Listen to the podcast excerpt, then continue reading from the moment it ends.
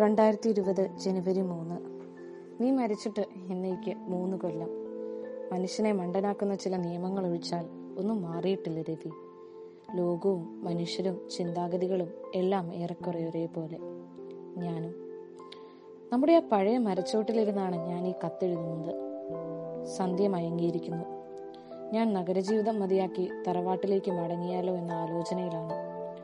നഗരം വല്ലാതെ മടുപ്പിക്കുന്നു. എവിടെയാകുമ്പോൾ ഈ കാറ്റും പുഴയും മരങ്ങളും? നിനക്കെന്നോട് ദേഷ്യം തോന്നുന്നുണ്ടാവും അല്ലേ? പണ്ട് പലവട്ടം നിർബന്ധിച്ചിട്ടും തിരിച്ചു വരാൻ കൂട്ടാക്കാത്ത എനിക്കിത് എന്തു പറ്റിയെന്ന് നീ ചിന്തിക്കുന്നുണ്ടാവും അല്ലേ? സ്വപ്നങ്ങളും സ്നേഹവും തമ്മിൽ തൂക്കിയളന്നപ്പോൾ എനിക്ക് തെറ്റിയോ എന്ന് പലപ്പോഴും ഞാൻ സംശയിച്ചു പോകുന്നു. ഒരുപക്ഷെ സ്നേഹത്തിലും സ്വപ്നങ്ങളിലും ശരിയോ തെറ്റോ ഉണ്ടാവില്ല അല്ലേ? ആവോ എനിക്കറിയില്ല.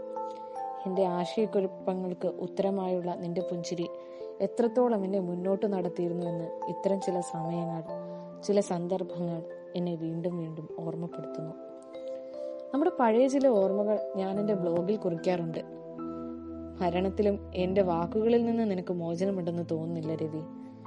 എന്തെഴുതിയാലും എങ്ങനെ എഴുതിയാലും അവൻ എന്നിൽ അവസാനിക്കുന്നു. ജീവിച്ചിരിക്കെ പിശുക്കിയ വാക്കുകൾക്ക് പകരമായി ഒരായിരം വാക്കുകൾ നിനക്കിന്ന് ഞാൻ തീരെഴുതി നൽകുന്നു. വർഷാരംഭം പ്രമാണിച്ച് ഞാനും ഒരു കൂട്ടം ചെയ്തു. നമ്മുടെ മരത്തിന് കൂട്ടായി ഒരു ഇലഞ്ഞിത്തൈ നട്ടു. ഞാൻ തിരിച്ചു വരുന്നതുവരെ അതിന് വെള്ളം ഒഴിക്കുവാൻ രാമുവിനെ ഏൽപ്പിച്ചു. ആ ഇലഞ്ഞിച്ചൂട്ടിൽ ഒരു ചെറു കുഴി കുഴിച്ച് നിന്റെ പഴയ കത്തുകളും നീ വരച്ച എന്റെ ഛായാചിത്രങ്ങളും ഒപ്പം നമ്മുടെ ഓർമ്മകളും ഒരു പെട്ടിയിലാക്കി ഞാൻ അടക്കം ചെയ്യും. ഇതാ ഇന്ന് എഴുതുന്നതും വരും നാളുകളിൽ എഴുതുന്നതുമായ എല്ലാം അവയ്ക്കൊപ്പം ചേർക്കും.